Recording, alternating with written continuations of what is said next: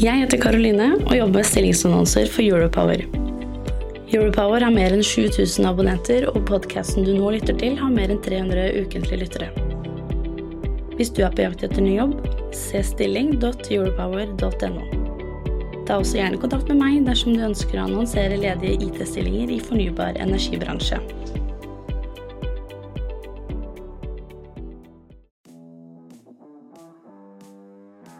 Du, Pia, visste at det ble utsolgt i fjor da vi samlet IT-beslutningstagere i energibransjen på energibransjens IT-konferanse? Ja, det visste jeg. Vi måtte jo si stopp rundt 215 deltakere. Eh, Men fortvil ikke. Eh, Den 26.9 så samler vi på ny hele flokken for å dele erfaringer og bygge nettverk. Og vet du hvem som er sponsorer og som skal delta på scenen i debatter i år, da? Ja, er, er ikke det Statnett, Elhub, Elvia, Lede og Embrik? Jo, og så er det Microsoft, Itera, Bouvet, DNV, Elmera Group. Så må vi ikke glemme da Nodes, Segal og PwC. Uh, Og sponsorene har allerede kjøpt opp mer enn 150 av deltakerplassene, så dette blir garantert årets viktigste møteplass for de som jobber med IT i energibransjen. Så ta en titt på teknologioptimistene.no for mer informasjon. Men nå er det nok reklame for energibransjens IT-konferanse. Skal vi ikke komme i gang med podkasten, Pia? Jo, vet du hva, la oss gjøre det. Du lytter til Teknologioptimistene fra Europower Partner. Redaksjonen i Europower har ikke medvirka i denne produksjonen. Hei og velkommen til Teknologioptimistene, en podkast for IT-beslutningstakere i fornybar energibransje. Jeg heter Pia Christensen Moe og jobber i Europower. Med meg her i studio i dag så har jeg besøk av Hege Støre, CEO i Advania Group. Velkommen! Tusen hjertelig takk. Hyggelig å få lov å være her. Ja, Hege, hvem er du? Jeg er eh, 53 år. Jobbet i IT-bransjen hele veien. eh, nesten 30 år. Hvorav halvparten av de årene i Microsoft. eh, og i andre norske IT-selskaper. Og så har jeg Jeg har jo, jeg har jo ga deg et lite litt sånn her At vi har et godt spørsmål her. Og det er rett og slett Har du en fun fact om deg selv? Fun fact uh, må kanskje være Jeg kjører motorsykkel, da, og jeg er egentlig ganske hekta på det. Så vi har faktisk tre motorsykler, store. Kjører litt på banen også. Syns det er supergøy. Perfekt, perfekt, perfekt. Men det som er så morsomt også, for at det, eh, vi, jeg har en fun fact om oss også. Uh, og det er jo rett og slett at vi har jo vært på flere fester sammen med Sykliaden og sånne ting. Og så har vi jo eh, har vi, den, har vi hatt den derre håndballverden også sammen, så Det har vi også hatt. Jeg er eh, eks-håndballspiller, ikke på høyt nivå, men jeg har vært engasjert i håndballklubben og eh, dommerdelen spesielt. Ja, ikke sant, ikke sant? Ja, men det er strålende, strålende. Du, hva er det du blir målt av på, av eh, styret ditt? Av styret mitt så blir jeg målt på å levere resultatene, selvfølgelig. Vi skal nå bunnlinja, vi skal ha en omsetning, vi skal ha fornøyde ansatte, og vi skal ha fornøyde kunder. Hvem er det som eier Advania? Advania eies av flere, men vår majoritetseier er en amerikansk investeringsbank som heter Goldman Sachs. Og så er det IK Invest, som eh, også er en mindre eier, pluss noen til. Så dette Advania, det er ikke, det er ikke Dere har masse kontorer? Det er ikke, det er ikke bare Norge du snakker om nå, når du sier, snakker om Golden Sachs og Hvor, hvor stort er selskapet? Ja, det kan jeg godt fortelle. Utspringet vårt er fra Island. Fra 1939, sier vi faktisk. Oi. Og eh, vi er totalt 4500 ansatte, lokalisert i de nordiske landene pluss England. Så, og har vel en omsetning på rundt 15 milliarder. Eh, Så butikken begynner å bli ganske anselig. Anselig. Det vil jeg absolutt si. Hvem er deres kunder? Våre kunder er egentlig alle typer kunder, men vi sier at eh, målgruppen vår er små og mellomstore bedrifter. Og så snakker jeg litt på generelt grunnlag i og med at landet, vi har en desentralisert forretningsmodell, så landene velger litt selv. Men i Norge så er det små og mellomstore bedrifter som er majoritetskundene våre. Og hvis du ser på bransjer, så representerer vi omtrent alle bransjene. Både privat offentlig sektor, retail, vi har noe energi, vi har helse, eh, shipping. Vi har flere av de store shippingkundene, globale leveranser. Og grunnen til at jeg sier at vi har ikke en spesifikk eh, vertikal, er jo at løsningen vår er ganske så bransjeuavhengig. Men hvem er det som er da eh, konkurrentene deres, da? Vi har mange konkurrenter innenfor uh, ulike områder. Uh, det kan være Intility, det kan være Athea, det kan være Tieto Evry. Eh, og det kan være rene hardware-produsenter, Dustin, Iver. Så det fins mange forskjellige der. Så dere har egentlig delt opp da, dere har egentlig flere felter altså innenfor Advania. Dere har liksom IT-sikkerhet, dere har eh, Citrix-løsninger eller Vi har driftsplattform hvor vi drifter veldig mange kunder. Og vi har konsulenttjenester, så vi har en stor konsulentavdeling. Og så selger vi alt av hardware og tilbehør som, som kundene måtte ha behov for. Det er de tre store forretningsområdene. Når vi snakket sammen litt og meldte litt frem og tilbake, så jeg, fortalte jeg jo det at Europower er jo da de som skriver nyheter til kraft- og energibransjen, altså til, til den fornybare bransjen. Og lytterne våre, det er jo IT-beslutningstakere i fornybar bransje. Og så sier du åh, det er en, det er en bransje. Hvor, det er en god bransje. Hvorfor vil dere egentlig inn i fornybarbransjen? Det er jo framtiden vår, uten tvil. Så jeg tror det er dit alle vil. Ehm, eh, det er de som sikrer at vi kommer til å eksistere her framover, enhver av oss. Så det er en viktig sektor å komme inn i. Hvordan er det du ser på de mulighetene og utfordringene for å komme seg inn i en fornybar bransje? Egentlig som i alle andre bransjer. Eh, vi må ha høy kvalitet, vi må levere de beste tjenestene, vi må ha fokus på det, ikke minst. Og det har vi også. Ehm, han rette kompetansen og de tjenestene som bransjen etterspør. Selskapet Advania, hvor, hvilke store IT-valg er det dere har gjort nå i den siste tiden? Store IT-valgene vi gjør, er at vi har en eh, driftsplattform, og så er det tjenestene som ligger på den. Og den store diskusjonen er den hele tiden mellom private og public cloud, mm. og at vi går mer i skyen med tjenester. Og så ser vi veldig mange av kundene våre. De har jo, eh, de har jo mye gamle systemer som står på en tradisjonell plattform, som de ønsker å ha der. Men så er det nyutvikling av tjenester som skjer i skyen. Mm. I tillegg så er jo sikkerhet ekstremt viktig for oss og for alle kundene våre. Så vi har investert veldig tungt i sikkerhet. Og at vi kan ha de tjenestene som kundene våre etterspør, og mer til. Men eh, så da i nær fremtid, da, når du føler at dere har gjort en såpass god investering nå, så hvilke store investeringer er det dere må gjøre nå i den nærmeste fremtid? Sustainability er jo også veldig veldig viktig for oss. Og eh, vi jobber jo, vi er jo som sagt i de nordiske landene, og vi gjør en kjempespennende investering der med tanke på hvordan skal man eh, ivareta all hardware. For det er jo der vi setter det, det, det, verste footprintet, kan du si. da. Så vi tar et stort ansvar, og vi tenker på hvordan vi kan resirkulere og tenke i sin helhet på, på alt av hardware-elementer. Så hvilken investering er det du skal ta da? Det skal jeg komme litt nærmere tilbake til. Tenkte at nå har jeg mulighet. ja, jeg skjønte du prøvde på den, men vi skal komme tilbake med mye mer informasjon i september. Men det er veldig, veldig spennende. Bruker dere AI? Vi bruker også AI. Vi bruker det på plattformen vår, vi kan bruke det på kundeservice, vi ser på repeterende spørsmål, henvendelser som kommer inn. Vi kan bruke det på hvordan vi installerer nye kunder, sånn at vi kan jobbe smartere og mer effektivt. Mm. Så det varierer. Og vi er også rådgivere overfor mange kunder på AI. Du, Pia, er det ikke litt kult at teknologioptimistene nylig vant fagpressens markedspris? Vet du hvor mange medlemsbedrifter som er med i fagpressen? Du, det er jo mer enn 200. Ja, det er mer enn 200, og så ble vår podkast og møteplassene vi har etablert for våre lyttere i Teknologioptimistenes nettverk og den store IT-konferansen som vi kjører i september, kåra til nummer én, altså bransjens beste markedskonsept.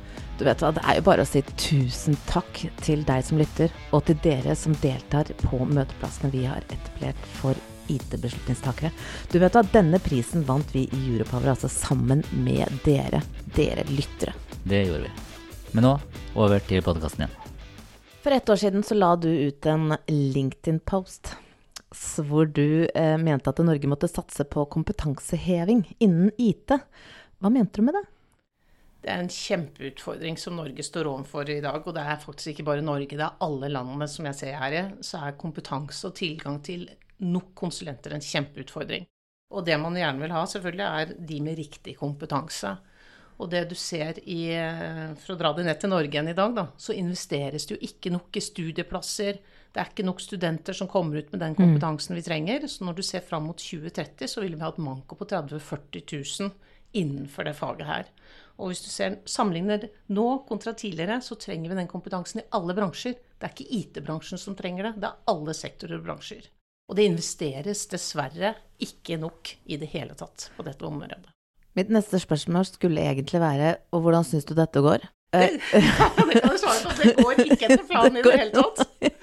Så vi, vi, vi, må gjøre et løft. Jeg sitter jo også med, med, IKT Norge, jeg sitter med Digital Norway.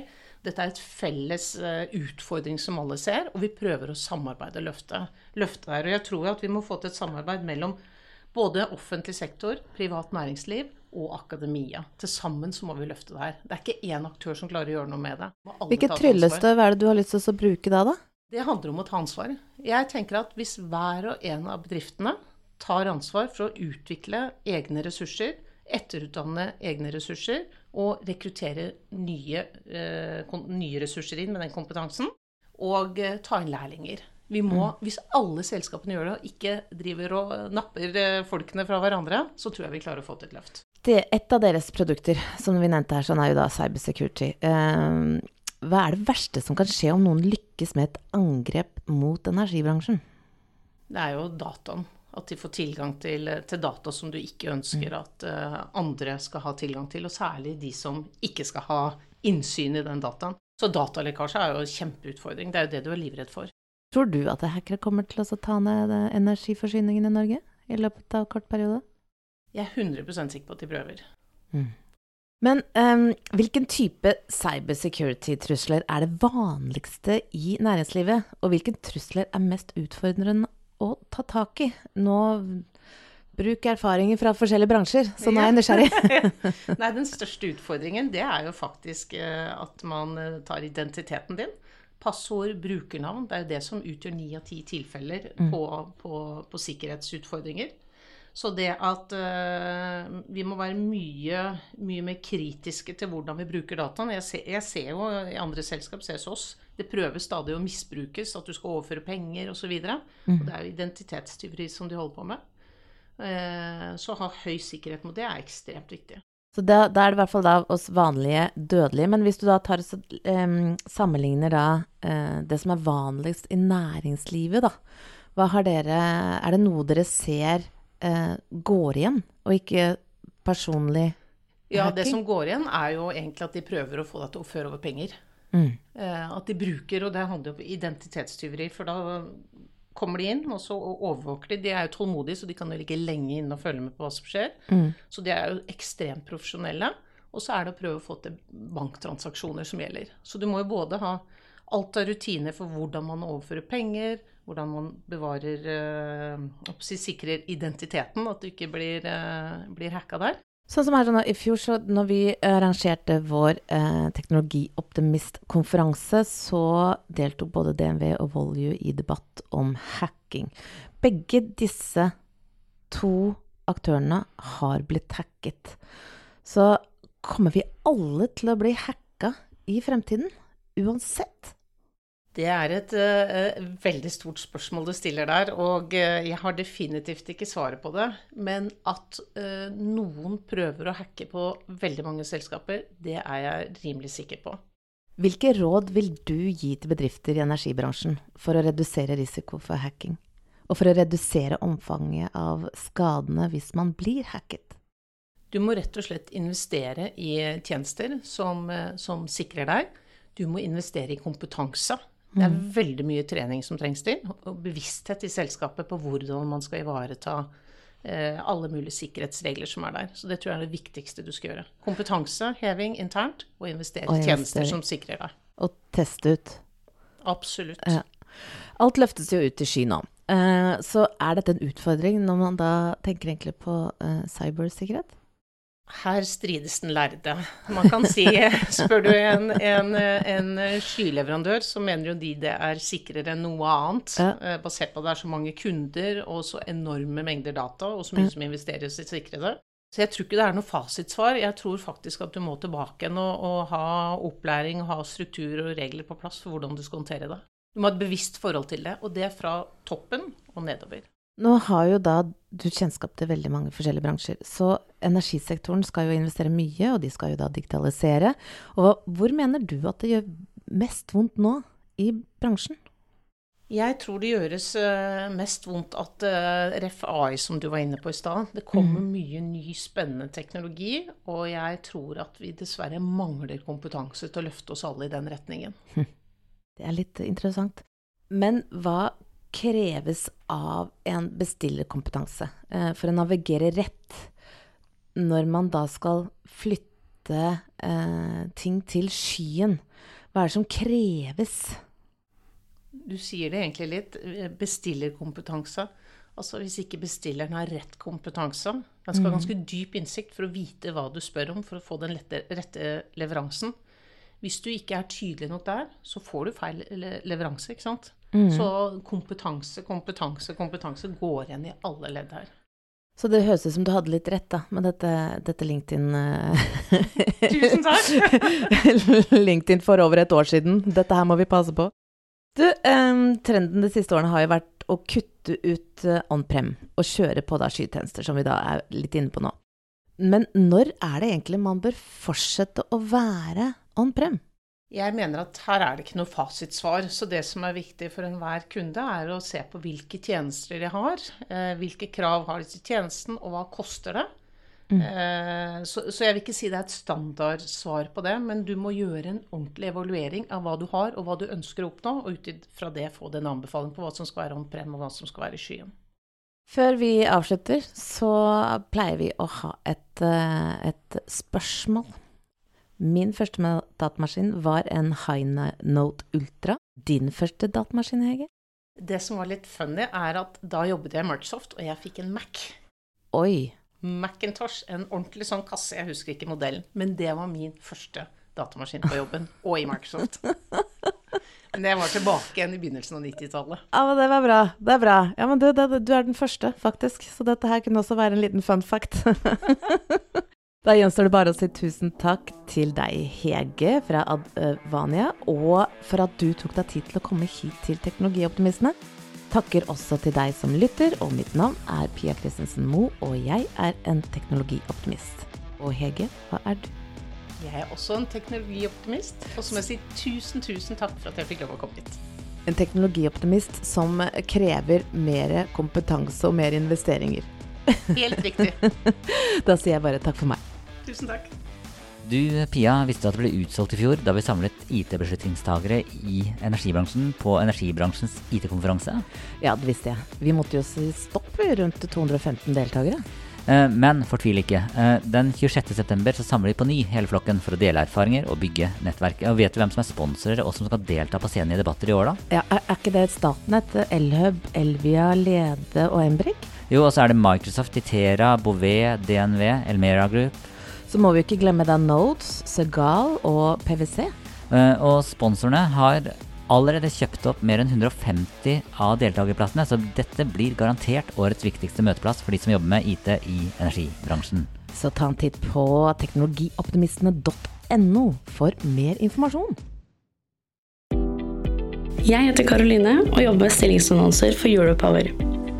Europower har mer enn 7000 abonnenter, og podkasten du nå lytter til, har mer enn 300 ukentlige lyttere. Hvis du er på jakt etter ny jobb, se stilling.europower.no. Ta også gjerne kontakt med meg dersom du ønsker å annonsere ledige IT-stillinger i fornybar energibransje.